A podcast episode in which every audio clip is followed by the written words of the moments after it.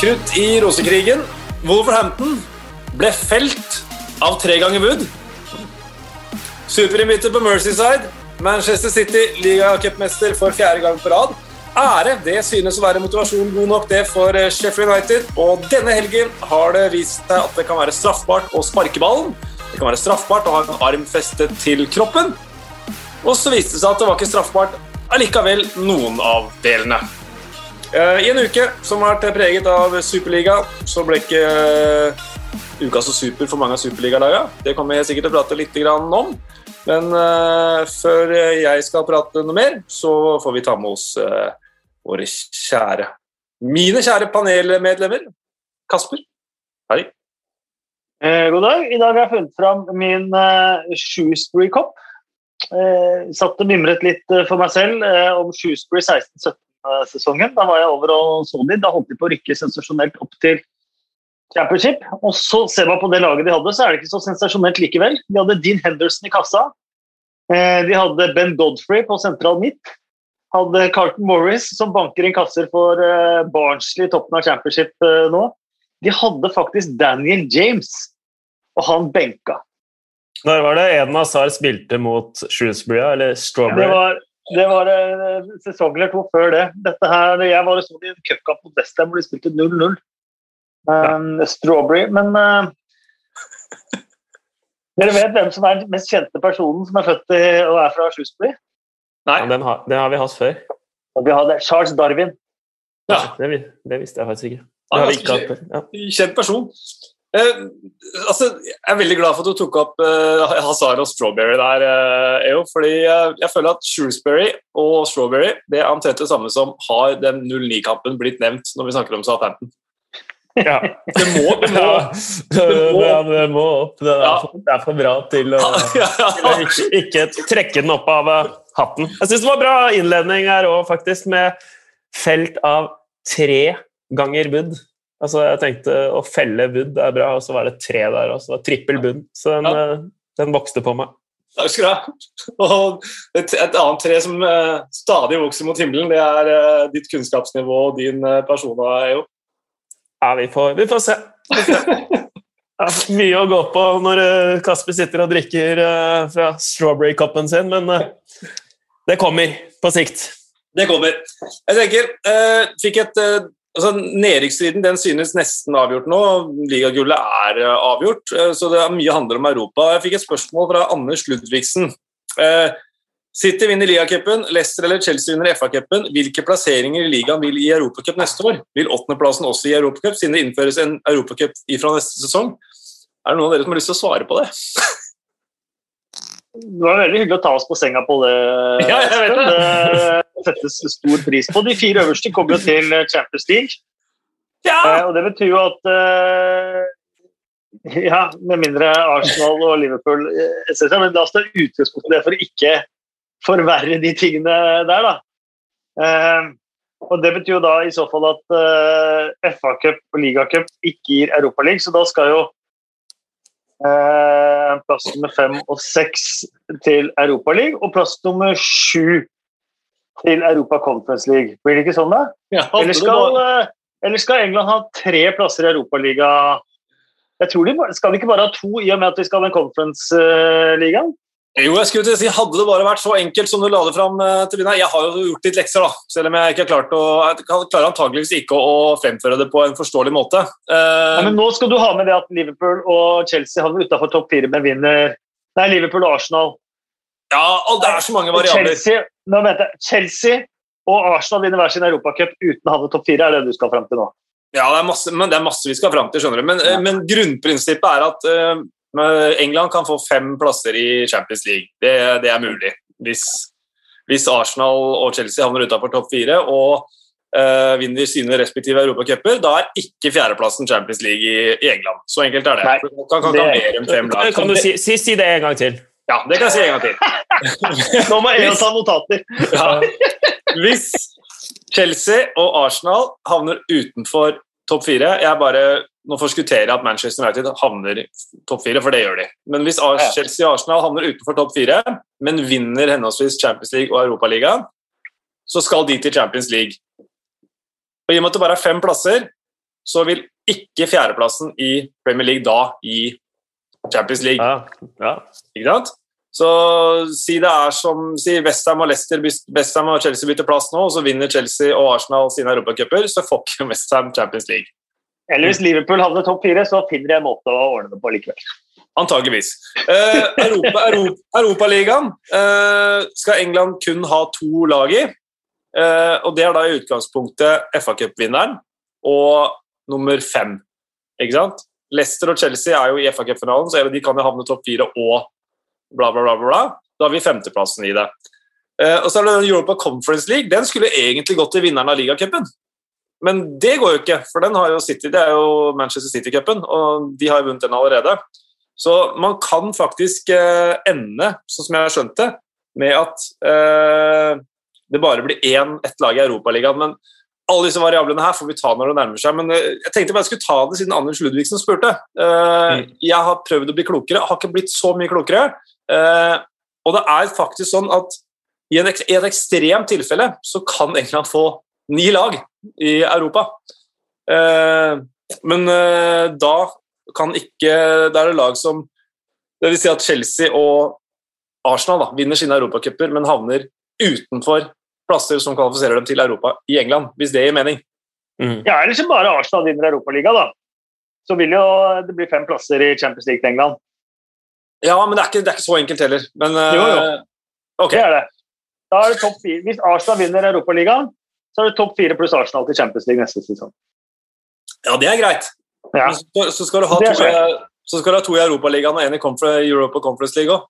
Det er der ja, ja. variablene kommer og fra alle kanter. Så jeg tror vi skal summere opp i mai. Uh, så da prøvde vi å gjøre det klokere. Vet ikke om det ble det. Uh, uh, ja. Da kan vi egentlig ta første match, tenker jeg. og begynner med Leeds mot Manchester United. Det, var, det ble 0-0. War of the Roses, et derby som mye omtalt på forhånd.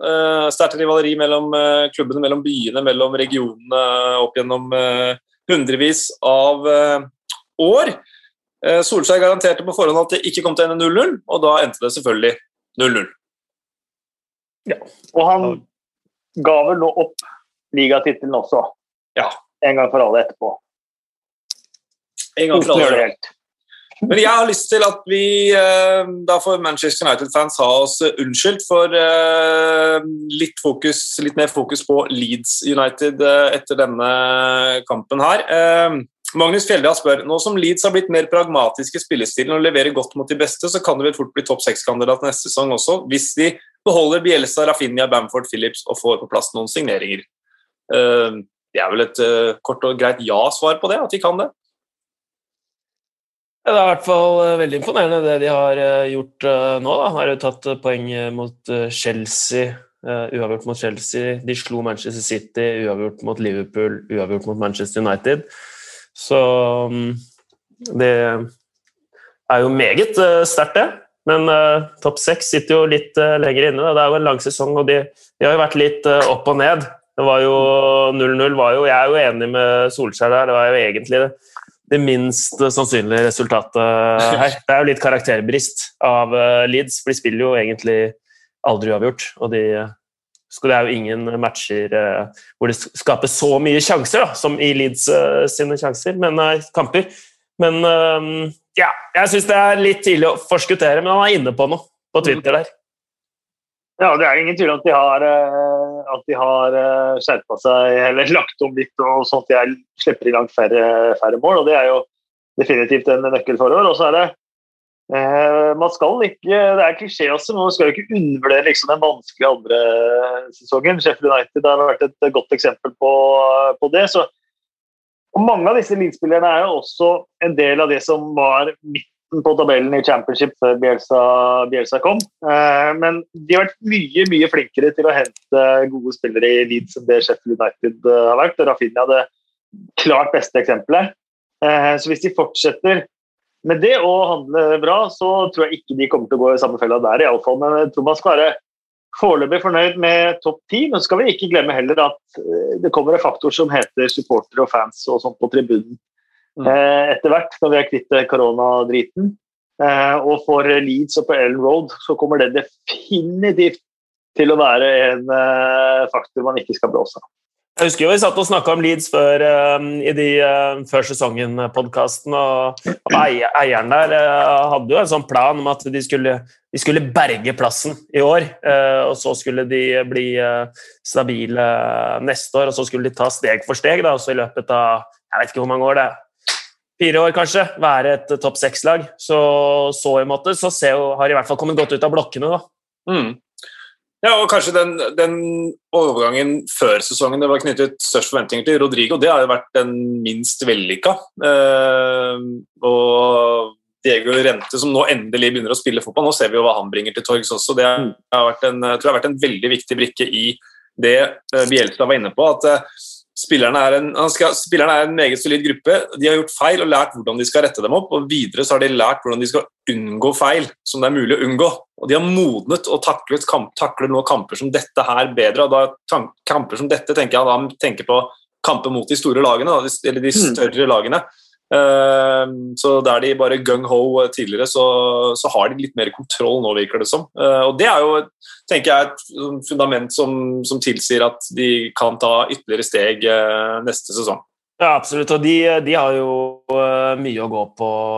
Altså, det, er jo, det, er jo, spanske landslagsspillere, det her, både Diego Llorente og, og Rodrigo i utgangspunktet. Og så mm. Rafinha. Altså men jeg vet ikke, det, Hva tenker dere om Rafinha? Er det en spiller de kommer til å beholde?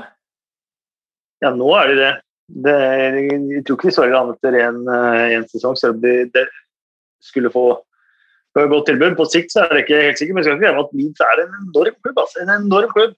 Og i veldig mange av engelsk fotballs epoker så ville de definitivt vært en av de mest naturligste ingredienser i en Big Six eh, breakaway superliga eh, variant. Eh, det er bare at i denne epoken så har de eh, ikke, ikke vært det. Men eh, at det er en av gigantene i engelsk fotball, det er det ingen tvil om. Håvard Wahl Pedersen spør hvorfor prates det ikke mer om hvor, hvor viktig Philips er for Leeds defensivt? Ja, vi kan jo prate litt om det. hvis det er noe som har noe. Ja, vi prater mye om det. Ja, jeg føler jo Kasper, i hvert fall for uh, et par uker siden, når jeg var med her, uh, doserte rimelig greit om det. da. Ja. om at han er samlende og han er som en quarterback der òg. Ligger og, og, strør. Han er jo veldig, veldig komplett, egentlig. Mm. Ja, jeg vil nesten si det, det er det vi snakker for lite om. Hvor ekstremt god fotballspiller han er med ball. Eh, og hvor, hvor, hvor, god han er til å styre spill. Det er kanskje det vi prater minst for lite om når det kommer til Calvin Phillips' eh, rolle og spill. Mm. Han var jo, det var en fin sånn postmatch-intervju med han også, bare gliste fra øre til øre. og Tydelig at han syntes det har vært kjempegøy å løpe utpå her og markere Bruno Fernandes. Det hadde, det hadde, det hadde han kost seg ordentlig med. Eh, at Bruno Fernandes ikke fikk til noe som helst. Det, det var sånn gliset holdt på å gå rundt. Det syns jeg var, var en nydelig postmatch-intervju. Ja, han, han er så ekstrem Ja, unnskyld. Nei, nei, han, han, har eh, den der, og som, som, Kasper sier, så han har den derre John Joe Shelby òg på en skikkelig god dag òg, da. Eh, mm. Han bare ligger og setter baller. Og så syns jeg han er så utrolig lett å like. Det er jo noen av disse her fotballspillerne man bare forelsker seg litt i, får litt sånn man-crush eh, på. Men Calvin Phillips er definitivt Nå har sikkert All or Nothing-serien på Amazon sin del av det. Men han virker som en så utrolig god gutt. og han har vært, Skal ikke glemme hvor lojal han også har vært. Og bestemor Royal har jo definitivt vært en del av det som har gjort, han, gjort at han ble òg. Han hørte på bestemora si, eh, og han kunne dratt til Premier League eh, sommeren før de rykka opp. Og hadde nok av tilbud, eh, tilbud, der. Men han ble i barndomsklubben sin og i Leeds og har fortsatt der og blitt landslagsspiller som Leeds-spiller. Eh, og det, det, for meg så Alt ved Kevin Phillips varmer på en måte et litt nostalgisk uh, fotballhjerte. da. Og det At han også i tillegg virker så jordnær og så, så god gutt. og De scenene da de rykka på alle facetima til bestemor Val, syns jeg var noe av det fineste i hele, hele Amazon. Jeg er sikker på at bestemor Val hadde vært utrolig stolt av barnebarnet hvis hun fortsatt var med oss. Det hadde hun helt uh, garantert. Vi kan nevne før vi runder av den kampen at uh, Manchester United nå har 25 strake bortekamper, nei 24 strake bortekamper uten tap i uh, toppdivisjonen. Så de nærmer seg rekorden til Arsenal på 27. det er imponerende, og det er der mye av det grunnlaget ligger for at de kommer antageligvis på en andreplass. Du har hånda oppe, Kasper. Da skal du på ordet. Ja, det er faktisk så historisk at det bare har vært skjedd tre ganger tidligere i engelsk fotballs historie øverste divisjon at et lag har gått ubeseira gjennom eh, på bortebane en hel sesong. Det var Preston i 1888-89, og så er det to ganger Arsenal på tidlig 2000-tall. Ja, og de har igjen ja, de har igjen Aston Villa og et Wolverhampton som er fullstendig sluttkjørt borte. Så de har gode muligheter til å fullføre sesongen eh, ubeseira borte, i hvert fall.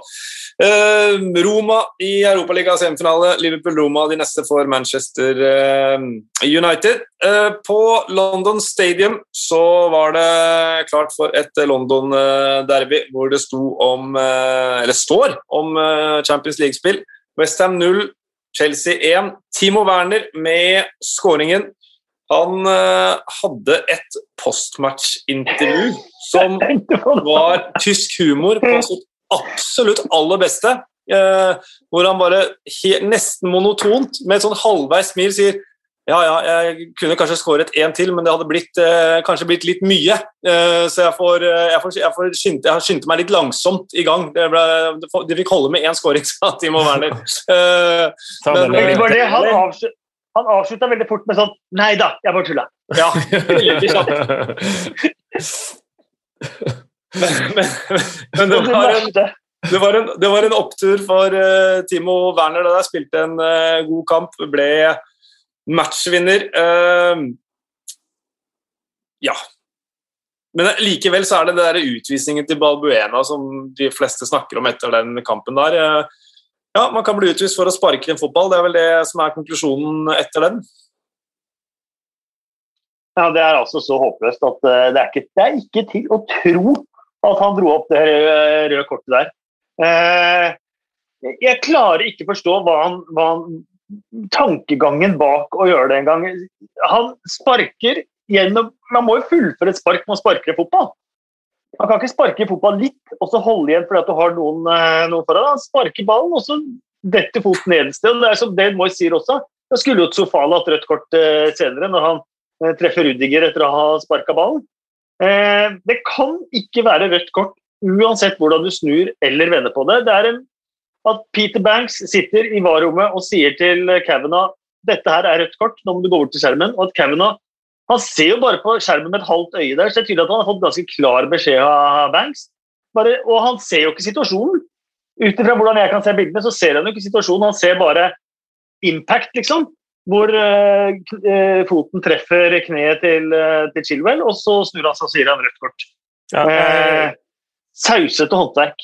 Jeg er helt enig, og det er, full, det er fullstendig mangel på, på fotballforståelse. Det blir sånn der konspirasjons teori, da. At man skal klare å klarere ballen, og så gå inn og stemple uh, motstanderen her. Jeg, jeg er faktisk uh, helt enig. Det er noe av det teiteste jeg har, uh, jeg har sett på en stund. Og så er jo Chelsea De, de drar jo inn en viktig seier her uten å overbevise, da, tenker jeg. Ja, altså 0-0 mot Brighton eh, i kjølvannet av superligaprotestene på, på tirsdag. En viktig seier her. Siden Torskjell tok over, så da lå de på niendeplass. Eh, nå er de på fjerdeplass. De er i semifinalen i Champions League, de er i finalen i FA-cupen. Det er kun Manchester City som har tatt flere poeng. Så om det var skeptikere til Torskjell da han tok over, så bør de være Den, den skepsisen bør være borte nå. Uh, Paul Konradsen, vår gode venn som jobber for øvrig som, i, i, fotballen, han har jo en teori med at en ganske enkel teori på at Chelsea ikke sprudler mer, og det er at de er veldig avhengig av Mateo Kovacic. Og det er jeg litt enig i, faktisk. For han er en litt sånn punch-spiller som behersker det meste. Han mener det er viktig for hvordan Tuchel vil spille ball på, da, på, på midtbanen der. Så håpe for Chelsea del at han kommer tilbake. Jeg vet ikke om dere er enig i det, den analysen, men um, han har i hvert fall vært en av de jeg syns har sett råest ut under Tuchel. Meget godt. Han blir ikke klart til Real Madrid-kampen. Han gjør ikke det? Sier at han ikke gjør det.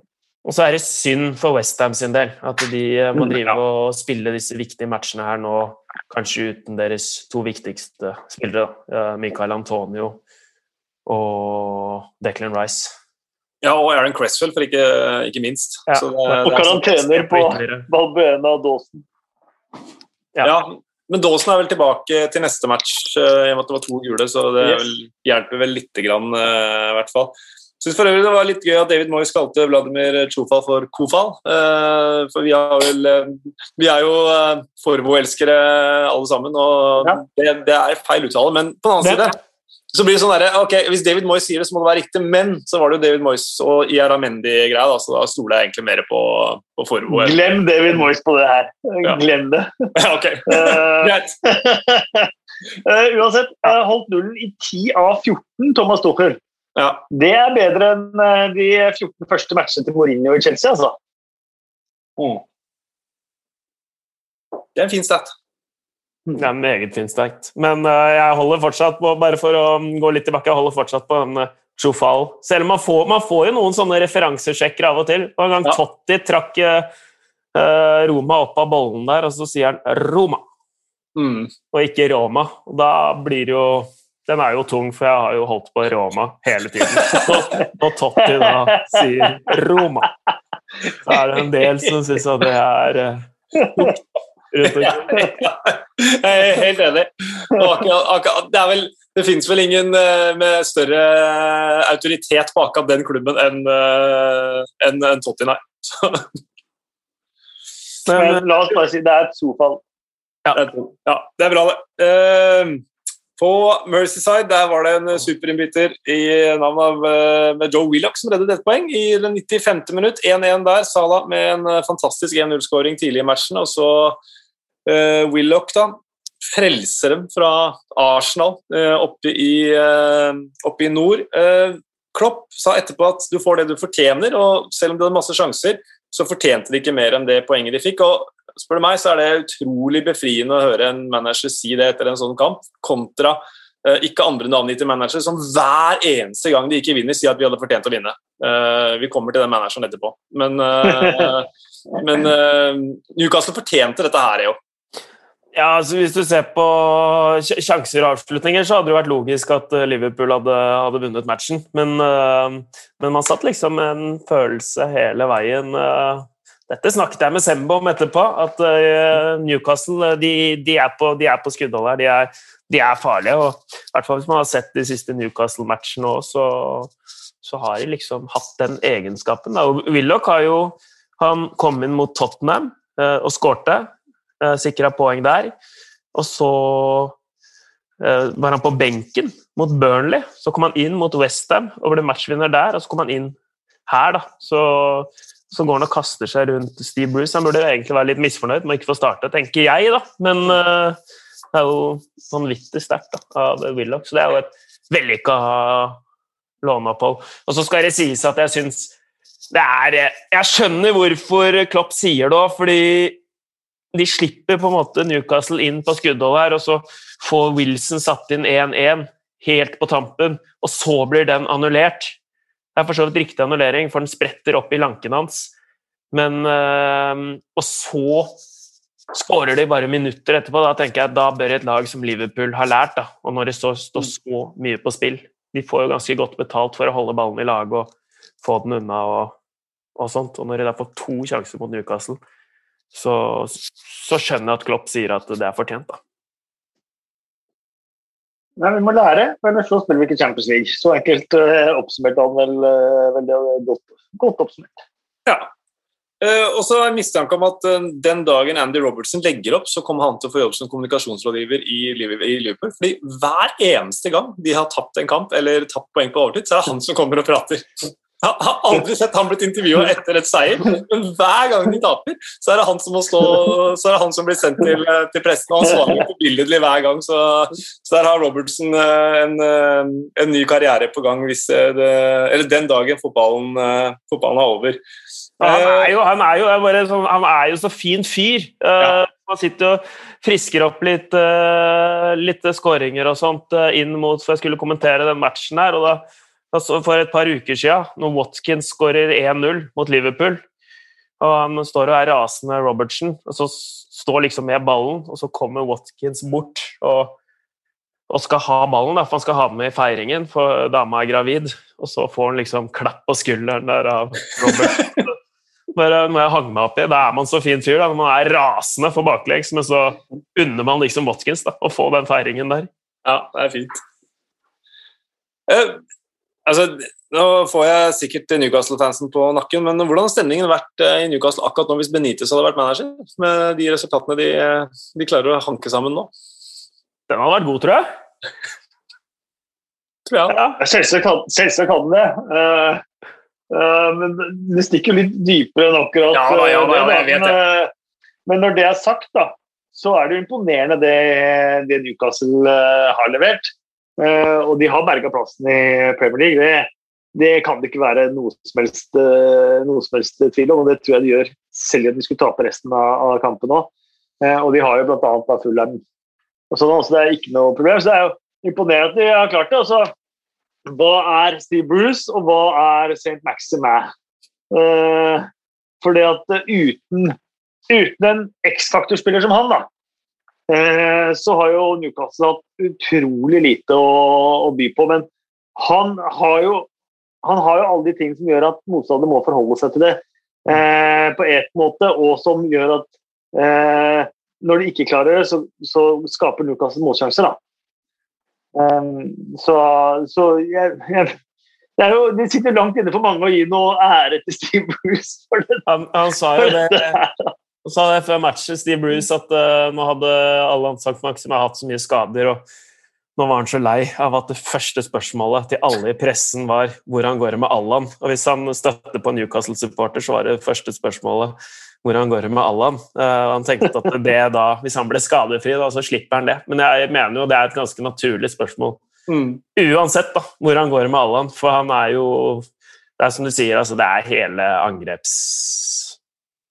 angrepsspillet til, til Newcastle, fordi motstanderen er nødt til å ta så mye hensyn. Ja, jeg la, jeg la, jo mitt tabloide hode på blokka der, selvfølgelig. Uh, håper ikke folk blir for rasende. Men, men på den annen side, altså, se, se dagens mot, motstanderen de hadde her, da, altså, Jørgen Klopp har vel ikke fått så mye av skylda for at uh, det har gått dårlig uten van Dijk. Og det er jo på en måte to talismaner på, på hvert lag. da. Altså, for Steve Bruce har jo mangla St. Maximin i store deler av sesongen, og det er to forskjellige fotballag med og uten han.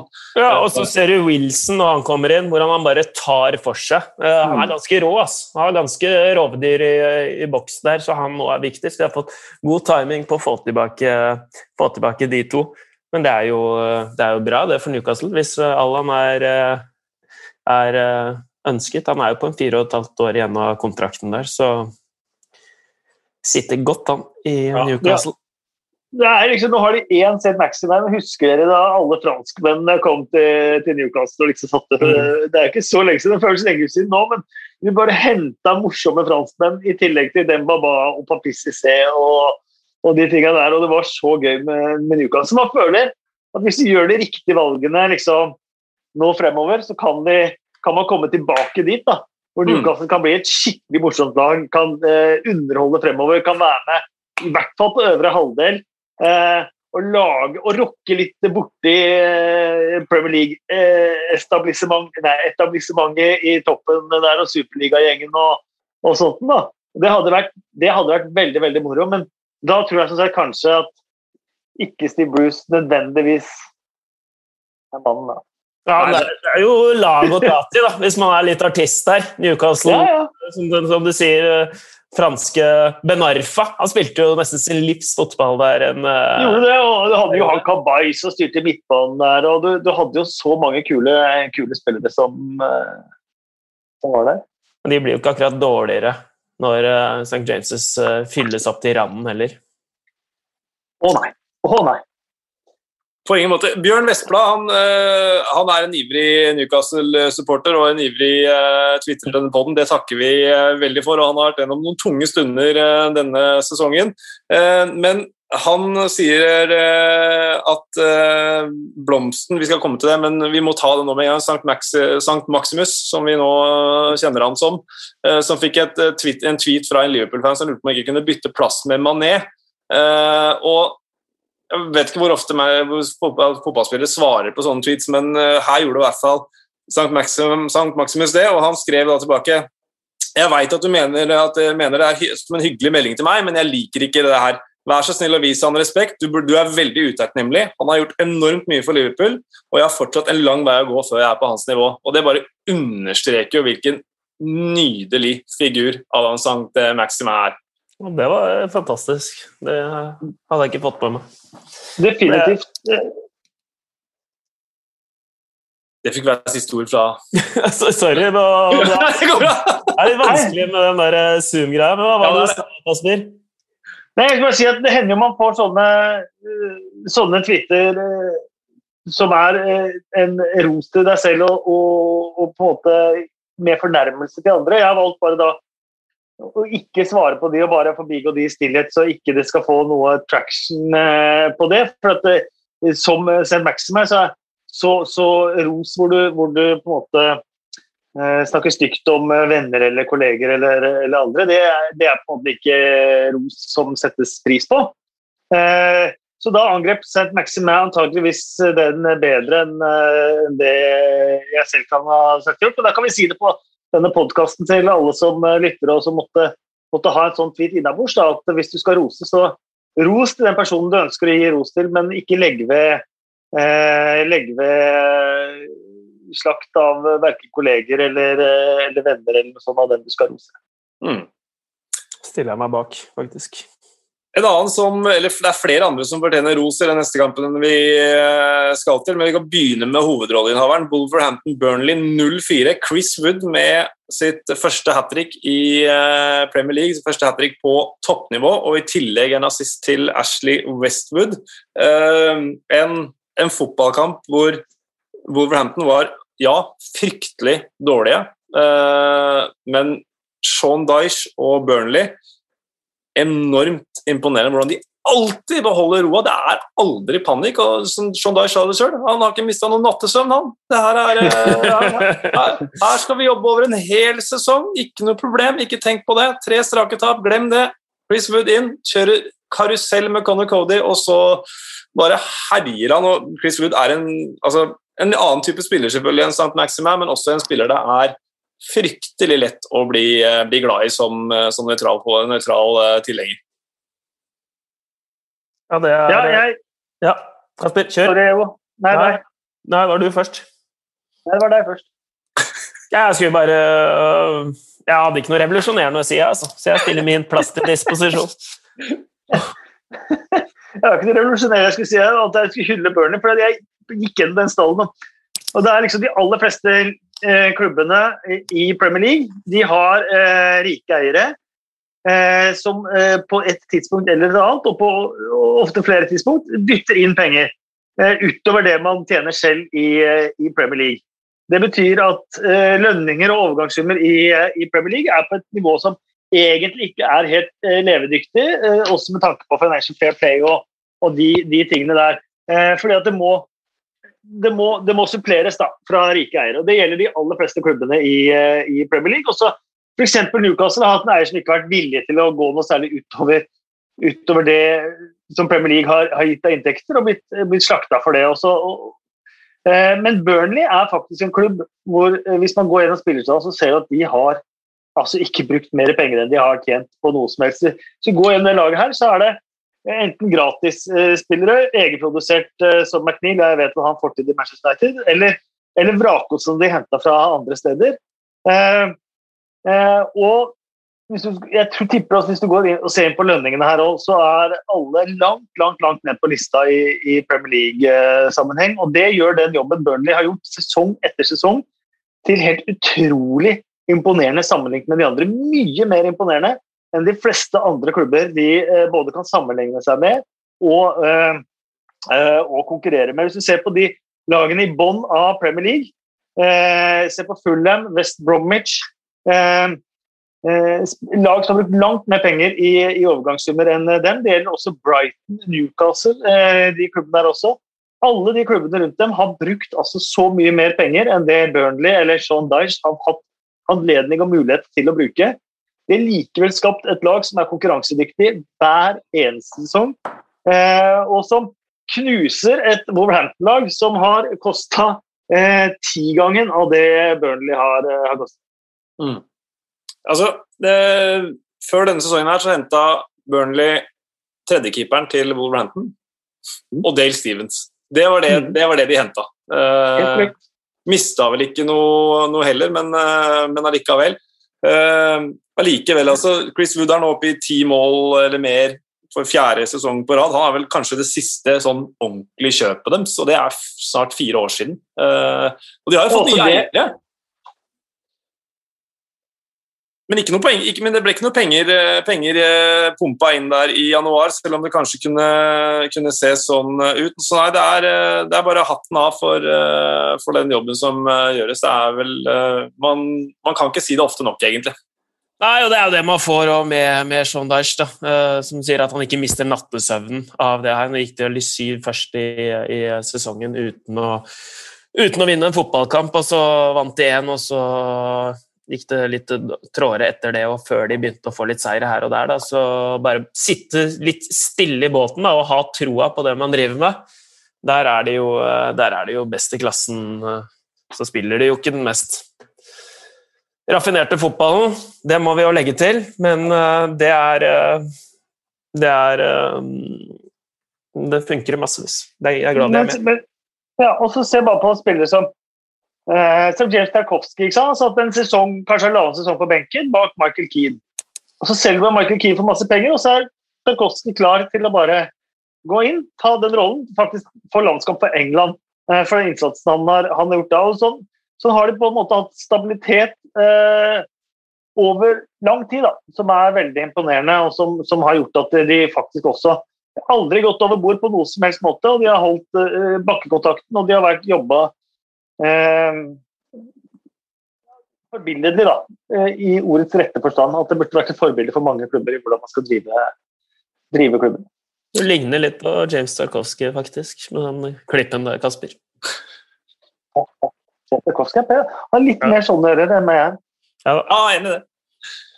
Uh, så tror jeg også Sean Dyche var uh, han, fikk, han, mulig han fikk anledning til å, snakke om det, men det fikk jeg sett at uh, Jack Cork ble stående da han fikk en, en lanke fra Alabama Traoré i ansiktet. Så han er veldig opptatt av filming. Det er bare Sean Dyche som er opptatt av det. Det vet vi jo veldig godt.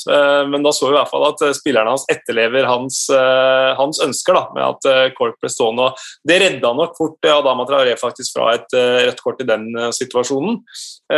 det var litt sånn gruff etter at Daniel Podens uh, gikk i bakken. Uh, hadde nok energi og krefter til å rope mot dommeren før han noen sekunder etterpå var veldig, veldig, veldig skada. Så han, både han og Daniel Ceballos Vi får, vi får oh, ja, håpe, håpe, håpe, at det går bra med dem begge, for å si det sånn. det verste men, jeg ser, er på den driten der, og sammen med Ceballos. ja, jeg blir så sur av det at det, det er Ceballos hver eneste kamp minst tre ganger i løpet av 90 minutter så trekker han tiss av føttene og tar seg oppå opp opp foten. Minst tre ganger hver eneste kamp.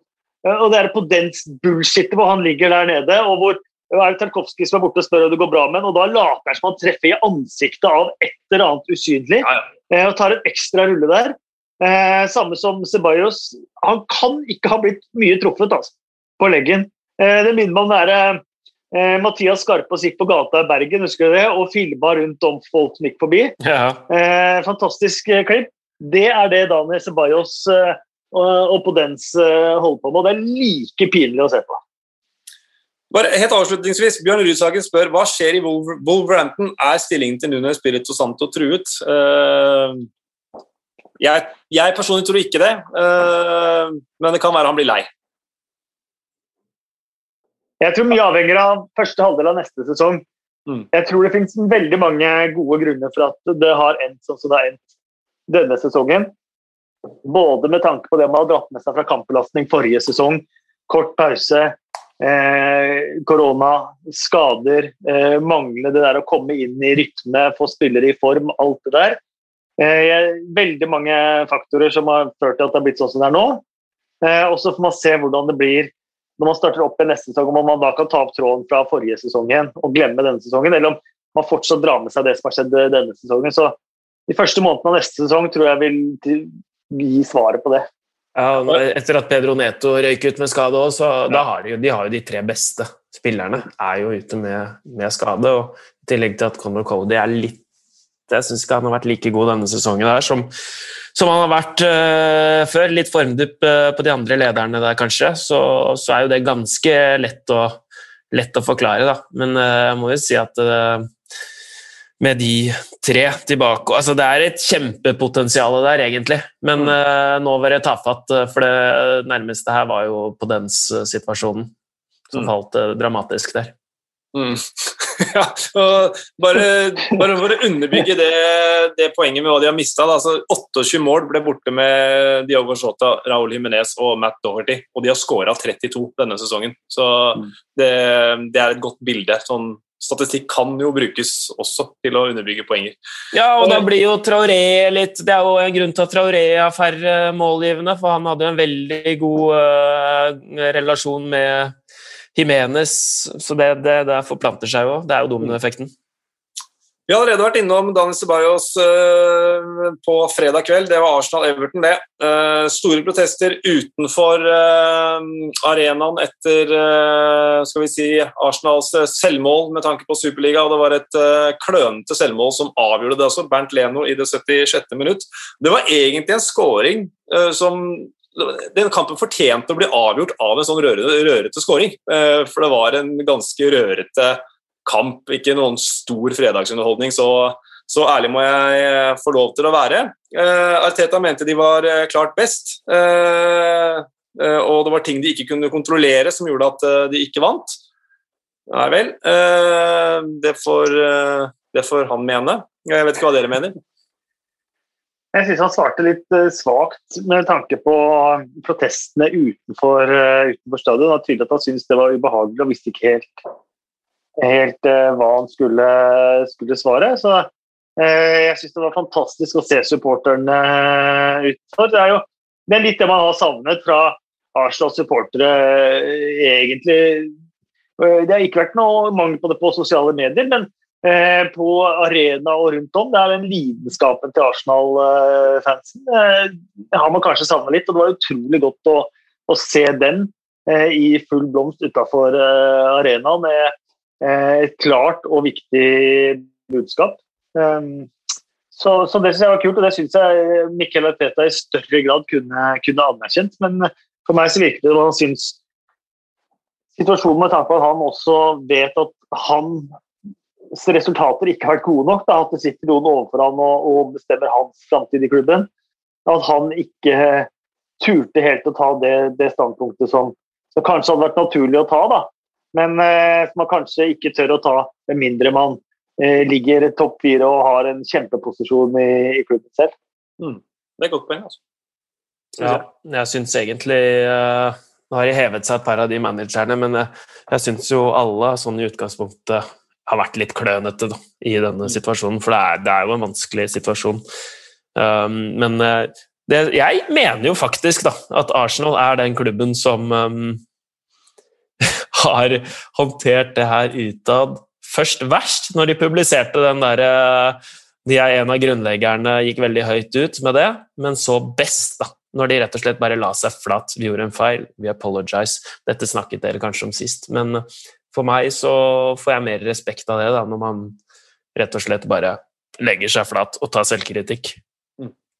det har på en måte alle prøvd, og det blir, det blir så hult. og Arsenal var ikke først ut av dette her en gang. De virka mer som de var nærmere sist. Eh, det var Chelsea og Manchester City, de to som har vært måte, sist inn. De var også først, uh, først ut. De har andre beveggrunner for, for, å bli med i den superligaen. For Crunkies så handler det om De har på en måte de har holdt på med den utnyttinga av både klubb og supporter så lenge. da, Eh, og for meg så finnes det ingen formildende omstendigheter rundt, eh, rundt akkurat den familien der og deres involvering i, i, i klubben, dessverre. Det er, mye, det er morsomme nyheter som kommer nå, da. Med han svenske Spotify-gründeren Thierry Henry og Patrick Vieira som klubbkjøpere av Arsenal. Det hadde svingt bra på Emirates blant Gunners-fansen, tror jeg. Dennis Bergkamp var vel i miksen der òg, tror jeg? Ja, Dennis Bergkamp òg, ja. Stemmer. Ja. Det er en fin partett. ja, den, den, er fin, den. Da kan det bli, da kan, da kan det bli nye toner på Emirates.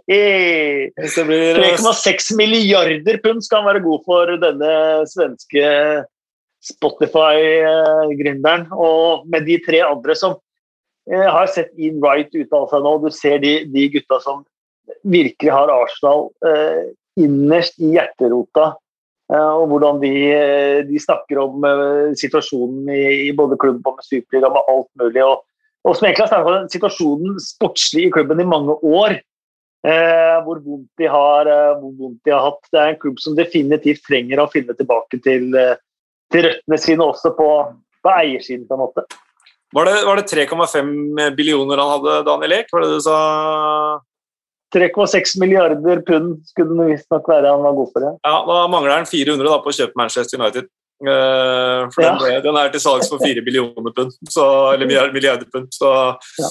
Uh, bare for å ta det, eh, nevnte jo ikke hva Arteta var så sint for, men det var jo selvfølgelig den straffen som ikke ble noe av pga. en sånn duste-offside. Jeg, jeg, orker ikke å snakke om den offsiden, eh, det gjør jeg faktisk ikke. Jeg bare legger ned veto, for det er bare så dust. Eh, det er en duste-offside, men samtidig ja, innmari godt at det ikke ble straffe etter det den dustefilminga til Sebay også. Ja, enig i det òg. men Everton, da. Angelotti, nå er vi skikkelig tilbake. Carlo, altså. Uh, vi har hylla Sean Dyer som Carlo. Altså, det, hva skal jeg si? Ja? Det, det, er egentlig ingen jeg tror det hadde vært koseligere å være sammen med av Premier League-manager enn Carlo Ancelotti. Han virker altså så godslig. Uh, passer så godt inn i uh, den familieklubben uh, som Everton er, er, stolte på at de er, og det har Ancelotti virkelig, virkelig kjøpt inn til. Og, han har jo sagt at han har lyst til å ta laget inn på det nye stadion som skal åpne om noen, eh, noen år. Og, uh, det var stilt spørsmålstegn ved om han kunne lede et lag når, som ikke var liksom, helt på toppen av næringskjeden. Og ja, det har halta lite grann, men med den seieren her så er de faktisk ordentlig i miksen igjen for uh, kanskje til og med Champions League med en, med en, killer avslutning. Og de har et kampprogram også. Aston Villa, Westham, Sheffield United, Wolverhampton, Manchester City, som antageligvis er, allerede er seriemester på det tidspunktet og en kamp mot Southampton som ikke er beramma ennå. Så hvis de får momentum nå, med Calvert Lewin eh, tilbake og sånt nå, så må Everton absolutt inn i den miksen, syns jeg. Ja, de er jo det. De, for de har jo en kamp til gode på Westham, så hvis de vinner uh, der i uh, ja, like langt spilt og vinner den, like mange poeng som Westham på en femte, så um, de er i miksen. Men når vi snakker om kamper, så skal jeg ikke glemme med de kampene de har tapt denne, denne sesongen. da. Nei, nei, nei. Hjemme mot uh, Burnley, hjemme mot Fulham, uh, hjemme mot Newcastle. Det er liksom kamper uh, man har tenkt, man har tenkt at her kommer det greie kamper for Everton. Og så har de, så har de smelt, så dere får meg ikke til å stole på Everton i alle fall i denne, denne innspurten. Nei. Men det, det, en, annen, en, annen, ting var jo at det, var, det er alltid sånne statistiske poeng etter en kamp. og Det her var første gang på 25 eller 24 år at eh, Arsenal, eh, eller Everton vant borte mot Arsenal. så Det var jo første gang på Emirates, for det var jo tilbake i 96 på Hybrid. og så får han slått ut spørsmål etterpå. Visste du det? Ja, han var klar over det. Eh, det, det syns jeg også er litt deilig, for vanligvis er det sånn herre ja, Hæ? Å oh, ja, nei, jeg var ikke klar over det i det hele tatt, men det visste han slått i godt. Så han kjenner sin, sin klubbs historie òg. Jeg tror de vet det eh, mer enn de gir eh, uttrykk for. Eh, veldig ofte. Jeg tror de later som de ikke vet det, men at sånne ting egentlig betyr eh, mer for de enn eh, de innrømmer. Vi har to kamper til vi skal innom. Aston Villa, West Bromwich 2-2. El Ghazi, Pereira, Mings selvmål og Keenan Davies på overtid i den rekkefølgen sørget for at det kun ble ett poeng for eh, West Bromwich, eh, som sist, siden sist vi prata også tapte mot Leicester i en kamp som for deres del var helt uh, grusom. Uh, Allardyce etter denne kampen her uh, ville ikke være for kritisk til spillerne sine, mente det var en god respons etter kampen mot uh, Leicester. Det er vel og bra, men dette holder ikke for West Bromwich. Nei, jeg, har, ikke, ja, ja, men jeg, jeg, har jo vært litt sånn Jeg mener det har vært for tidlig å avskrive dem, da. Uh, men nå, nå, er de vel nede, ja. Dessverre, med det poengtapet. Jeg mener fortsatt at de hadde hatt noe å kjøre med, med en trepoenger der. Men uh, der ble de nok sendt ned til championship, faktisk, med Davies sin utligning. Er de for gode til å rykke ned, ja? Nei, det er bare Fullheim som har. Men, men akkurat ja, har vært, jeg har vært litt for gode. Jeg eh, hadde, jeg hadde litt trua på dem. Jeg syns både Pereira og Sam Johnson de er for gode til å rykke ned. Ellers så er resten eh, akkurat så passe nivå til å rykke ned, eh, spør meg. Sam Johnson linkes til eh, reservekeeperrollen i Manchester United og kommer tilbake, tilbake dit. Eh, hvis de satser, velger på å satse f.eks. på Dean Henderson i, i United. Mm. Tilbake til en tredjekeeperrolle der. Jeg vet ikke om det er uh, karriereveien. De kan ikke beholde både Henderson og David Heia en sesong til, tror du det? Nei, det tror jeg ikke. Men uh, når du har vært i den engelske landslagstroppen, syns jeg det har vært et veldig rart karrierevalg å gå tilbake og være annenkeeper, selv om han sikkert har følelser for klubben. Da. Det må vel finnes bedre alternativer for en så god keeper, tenker jeg. da. Hmm. Men mulig jeg tar feil.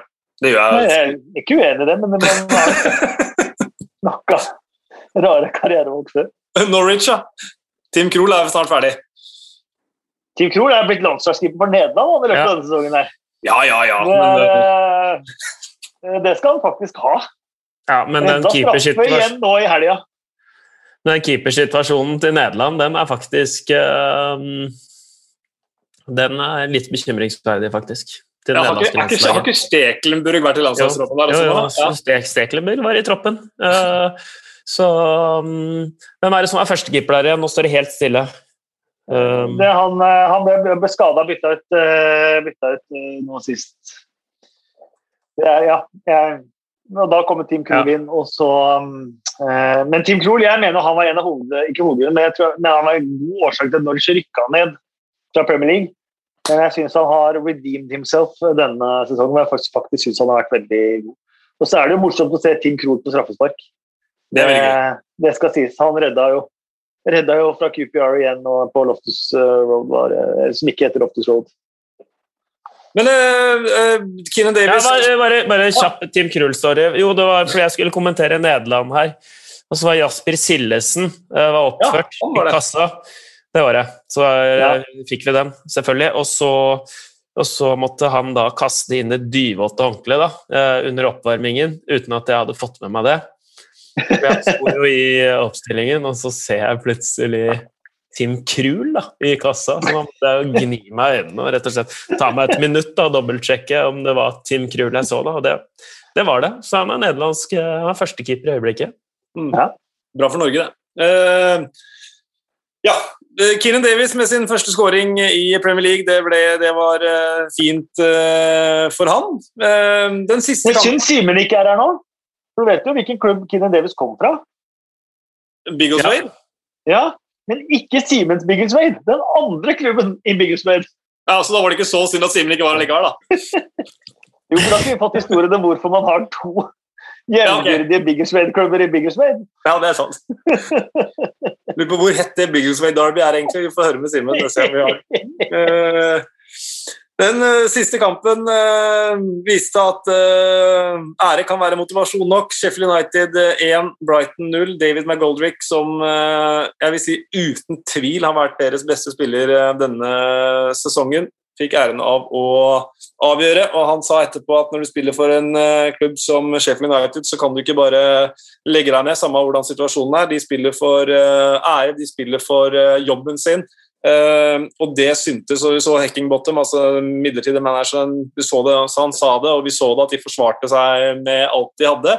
og Smilene holdt på å gå rundt altså, når de endelig tok denne seieren her mot Brighton. og selv om de har rykka ned, så har de jo fortsatt en, det en haug med sånne grusomme rekorder de helst skal prøve å unngå, og det her var et, uh, et godt stykke på vei. Eh, annet antall tap og sånt noe. Eh, så det var en opptur for Sheffield United, men, men Brighton Sean Dyche sa det jo forrige uke. altså Dere prater jo aldri om Brighton når vi snakker om nedrykkstid. og Sean Dyche har poeng i, på rekke og rad, fordi nå er det Brighton som er mest utsatt, selv om også de har jo god klaring ned til Fulham, men det er jo de som per def er mest utsatt nå. De er for gode til ryktene, det. Ja, det, det, er jo, det, er jo, det alle mener, uh, men det er, jo det, jeg, det er jo jeg uenig i. Det har jeg sagt her før, så det er ikke bare noe jeg sier nå. Og de har jo en uh, tøff uh, terminliste òg nå, med Leeds, Wolves, også Westham City og Arsenal, så mm. det er ikke De er sånn derre blendende som de, de, ser for bra ut til rykkene, men de, de tror bare det er for langt opp da, for Fulham og, og West Brom. Ja. Det var en, Sorry, sorry Kasper. Takk. Jeg skulle bare si at jeg var enig. Ja, bra. Eh, dette er en Premier League-podkast, men det var jo også to Premier League-lag i eh, ligacupfinalen. Det må vi eh, ta med oss. Ryan Mason har siden sist vi snakket hatt to matcher som Tottenham-sjef. Den første den vant de etter en veldig god andreomgang, hvor mange Tottenham-supportere fikk se det Tottenham de vil se. Og så fikk de se Tottenham som ble fullstendig overkjørt av et fantastisk Manchester City i ligacupfinalen. Så den, den, kampen gikk jo som den eh, måtte gå. Den har vært eh, kalt Milk Cup, Coca-Cola Cup eh, og nå Carabao Cup. Den kan vel like godt bare omdøpes til Manchester City Cup, sånn som de holder på. Fjerde strake nå, vunnet seks av de siste åtte. De trengte en dødball, men det var aldri tvil om hvor seieren skulle ende. Ja, jeg syns det er trist. Jeg må bare si Det er det mange andre som har sagt og sikkert mener òg, men eh, at eh, Mourinho ikke fikk eh, lov å lede laget sitt der. Og gi han en mulighet der. Det syns jeg var leit, rett og slett. Jeg er helt uenig. Ja, du er det? jeg kan ikke se noen grunn Alle snakker liksom om at Mourinho bond off game og alt det der, at han kunne liksom lagd en slagplan og at de har større sjanse med, med å vinne med han.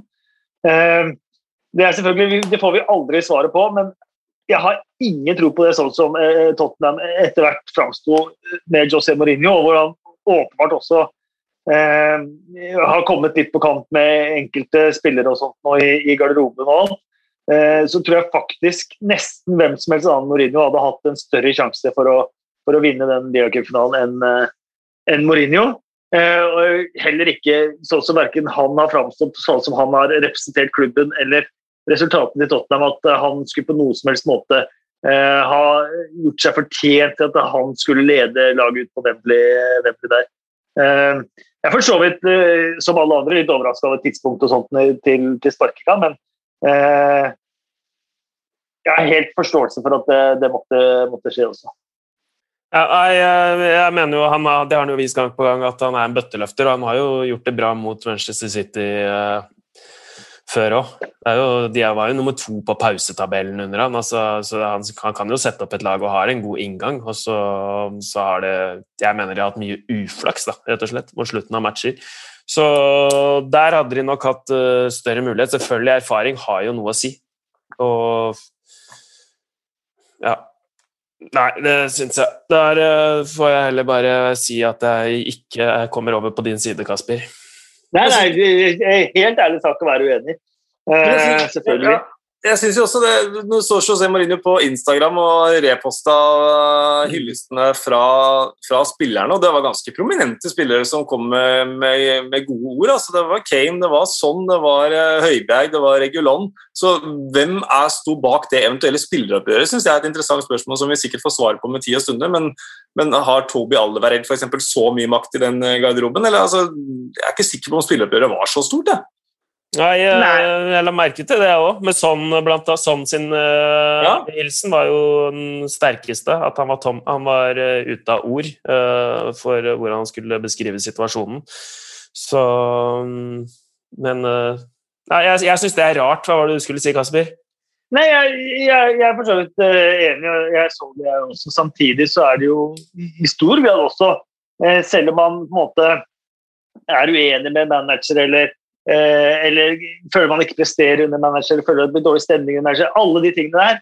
Så er, det ikke, så er det ikke gitt at man ikke har den uh, vanlige høfligheten og, og sånt. At man, uh, man hyller et, et, menneske eller en, en, manager som har vært, eller en periode som har vært, eller halvannet år som man har hatt sammen. At man legger ut en hyggelig hilsen på Instagram etter det.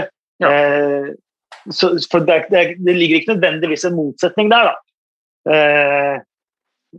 Mener jeg. Men uh, selvfølgelig, jeg vet ikke hva som har skjedd på innsiden av garderoben i, i, i Tottenham. Så, så, hva som har skjedd, det vet man jo ikke. Men det man har sett, er jo Tottenham som på ingen måte har levert som Tottenham skal gjøre eh, under José Mourinho. Og det, jeg, tror ikke de hadde slått Manchester City med, med Mourinho ved, med sidelinja heller. Nei, og den, altså, Kampen ble jo preget av et City som var mye bedre. Phil Foden helt uh, fantastisk. Manchester City har nå en av de tre titlene de kan ta i boks. Den neste den blir klar om, uh, noen, om en ukes tid, antageligvis. Og så er det Ble jeg brått usikker? Er det PS... Nei, det er Real Madrid. PSG til midtuka nå. PSG, er det. Ja. ja, ble jeg brått usikker. Men uh, ja. det blir Er det Pochettino? Med Pochettino. Hadde dere sjanse med Porcetino? kanskje, kanskje. Men eh, gratulerer i hvert fall til Manchester City. Vi eh, tar de faste spaltene som eh, seg hør og bør kjapt på slutten her. Det var moro å se på. Morata var kjempegod. Hva i all verden? Er. Han snakka ikke om seg sjæl, han snakka om dommeren. Ok, gutter. Uh, Jostein Basma han uh, foreslår uh, kaktus til dommer Kavana som viser ut Balbuena for å klarere en ball. Det er jo et godt forslag. Godt forslag. har dere noen andre kaktusforslag? ja, kaktus er det eneste jeg har skikkelig, skikkelig, skikkelig sterk mening om her, faktisk. Ja, vær så god. I dag ble altså Alan Shearer og Thierry Henry de to første i Premier Leagues Hall of Fame. Bare sånn for å understreke at fotballen starta i 1992, og at alt som skjedde før 1992, det kan bare kaste på dynga, rett og slett, for det er verdiløst. Eh, hvis det ikke fantes en Hall of Fame, så skulle jeg til en bitte, bitte, bitte, bitte liten viss, viss, viss grad ha forstått at man kanskje laget en Premier League Hall of Fame.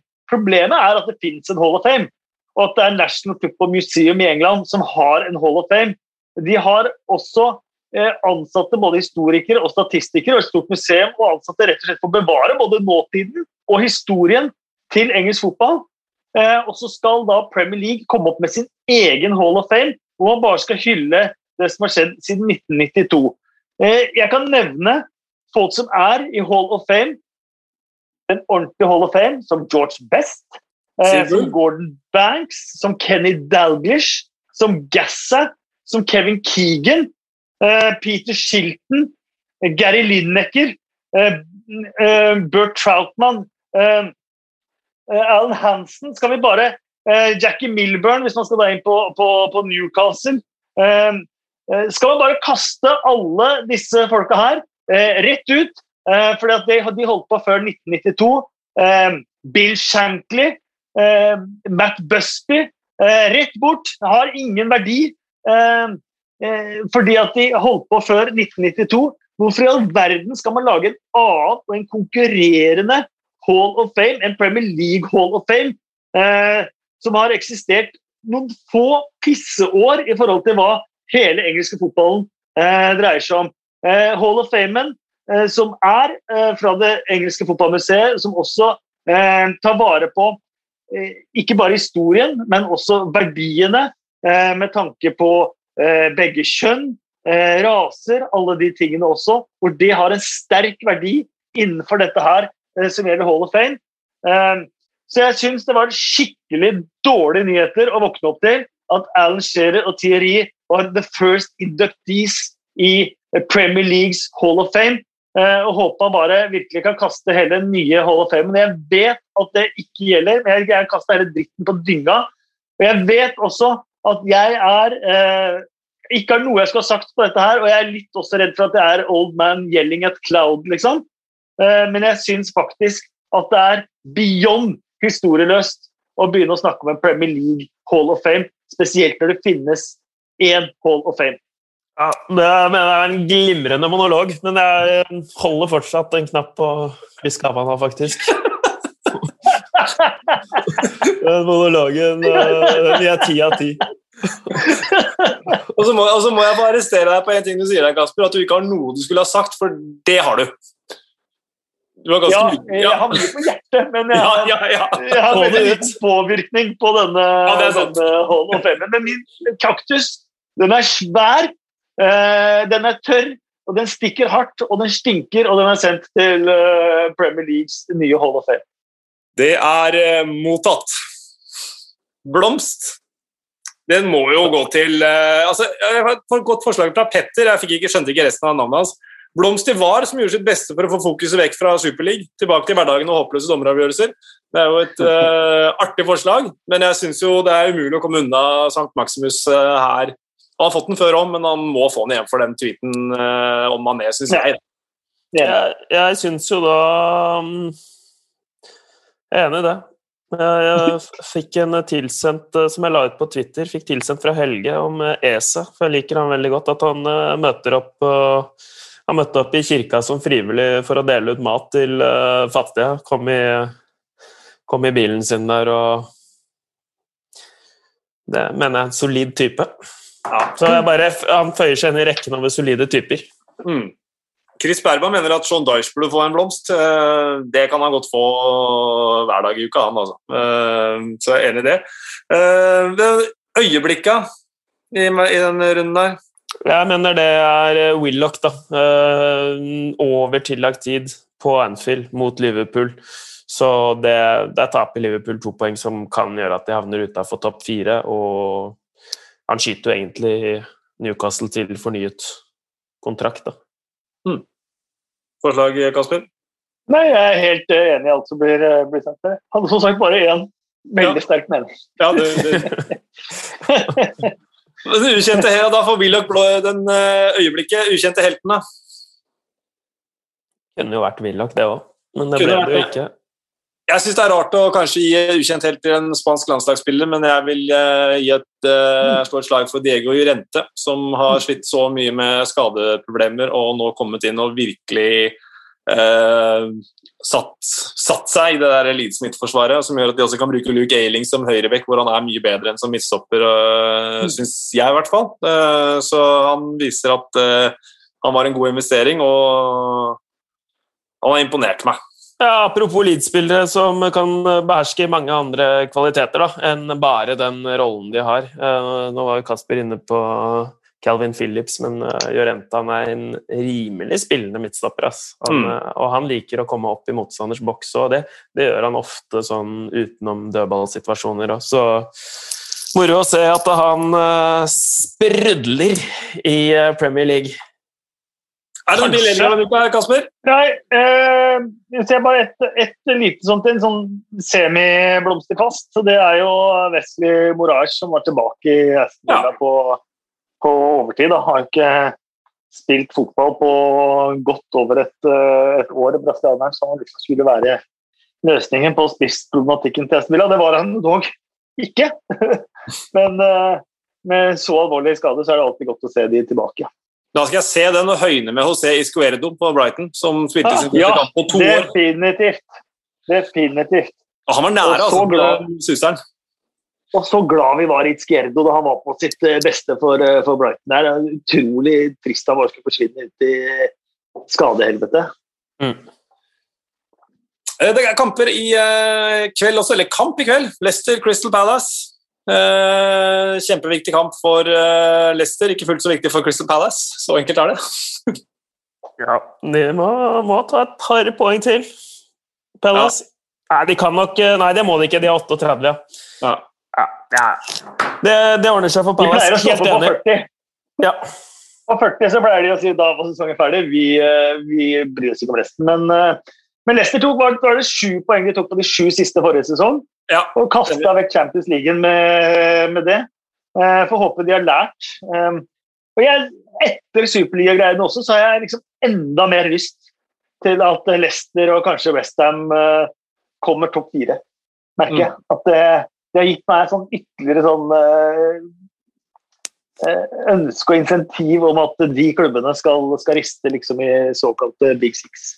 Ja, og det har man jo bare sånn, selv om det her er en Premier League-podkast, så er det sånn Juventus står jo i oppriktig fare der for mm. å havne utafor topp fire i uh, Italia. Så, så, det har gitt en litt sånn der uh, artig uh, supportergreie, den superligaen der.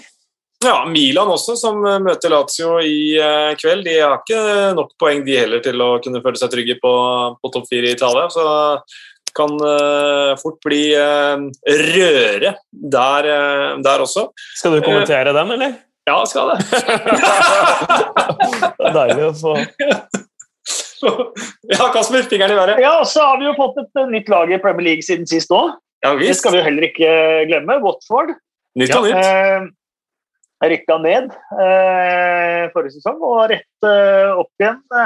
Som vanlig, etter å ha sparka manageren sin midtveis. Ivic måtte gå, Sisko har kommet inn. Sisko som kom altså fra Dinamo Tiblisi trenerjobben uten de nødvendige kvalifikasjonene på papiret. Men eh, la om til 4-3-3, og fytti rakkeren så gode de har vært eh, under Sisko med eh, den formasjonen. Og med gamle Haugesund-stopper Wilden han Trost Ekong har vært supergod i midtforsvaret. Tom Cleverley og Will Hughes på midtbanen Eh, virkelig eh, snev av gammel storhet der. Ismail Azar har vært eh, like god som han var i, i Premier League. Og til sammen så har det ført til at de kan ta championship-tittelen, selv om de ligger litt bak. Men de har i hvert fall eh, rykka opp med et godt fundament av et lag. En morsom manager som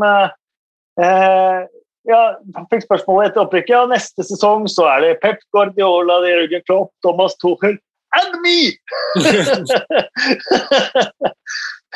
fun, fun, fact om det, det, laget der. Ken Sema.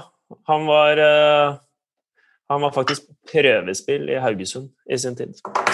Endte ikke opp der. Men bare sånn apropos Tross Kong. Det var den siste kampen jeg var på med tilskuere på, på, plass. Det var Watford-Liverpool. Da vant Watford mm. 3-0 rett før uh, lockdown der, og Liverpool ble stoppa. Og det var så partystemning på mm. Wickeridge eh, Road, og det var uh, Ismail Azar og Troy Dini sin, sin store dag. Da. Så jeg syns det var skikkelig leit, faktisk, at det laget uh, rykka ned. Så de er veldig hjertelig velkommen igjen i Premier League. Ja, og, og Sist gang de rykka opp, så kvitta de seg med manageren før de kom opp i Premier League. Vi får se hva de gjør nå. Ja, vi får se hva de gjør nå. Men han, han der Ivic, det var surpomp, ass. Så der tror jeg, de, eh, der tror jeg det var ordentlig uh, taktskifte når han uh, gladlaksen fra Georgia, eller fra Spania via Georgia kom. Ass. Det er ganske overbevist om. Ta med oss en Sinkernagel spiller der òg, da. Han er jo vant til å spille 4-3-3, så kos seg. Ja, han spilte en del. Selv om han er på benken og de siste kampene, så hadde han en god periode på, på laget der.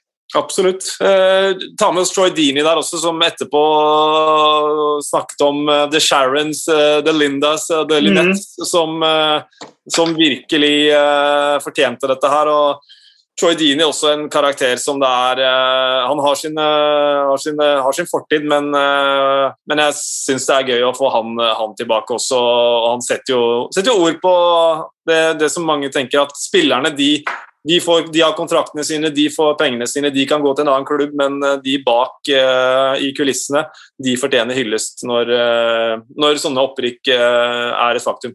Ja, Bare for å skvise sitronen ut av det siste den, det Vickridge Road-besøket jeg hadde. Da. Det, det, var jo Troy Dini hadde jo skrevet det i kampprogrammet, for det husker jeg da. Eh, at det var så enormt viktig da, å beholde plassen. og Det var derfor de var villige til å ofre seg. og Det var det, det som virkelig betydde noe da, for de som faktisk eh, de møter i døra, og som jobber i og rundt klubben og gjør en kjempejobb. Så han har et kjempehjerte for det. Så at han syns synes det, det er deilig at den han får de opp igjen med den røde, rød tråden der. Mm.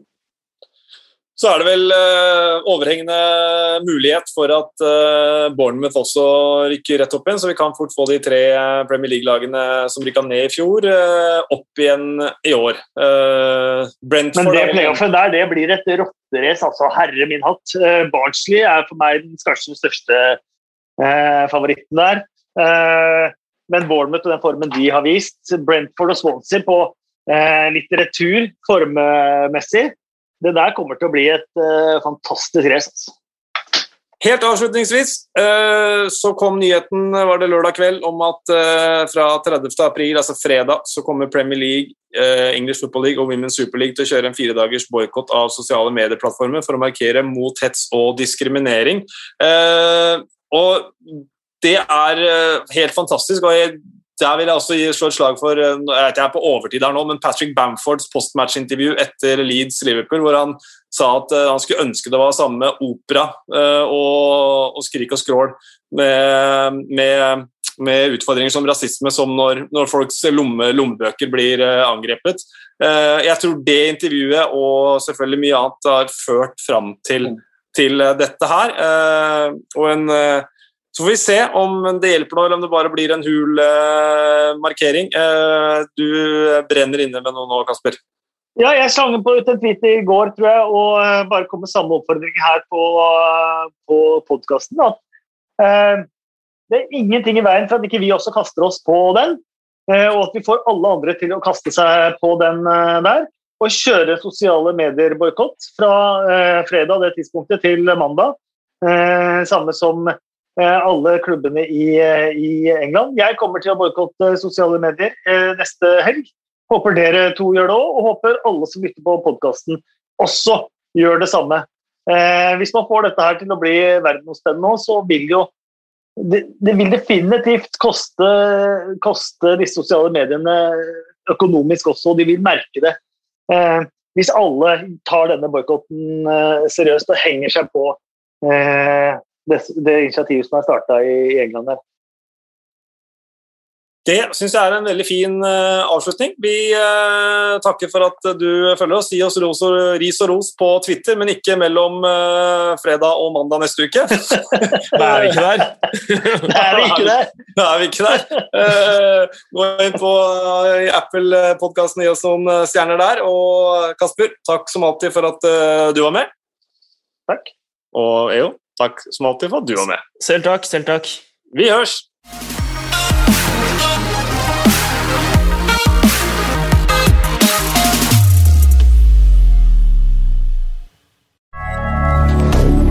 moderne media.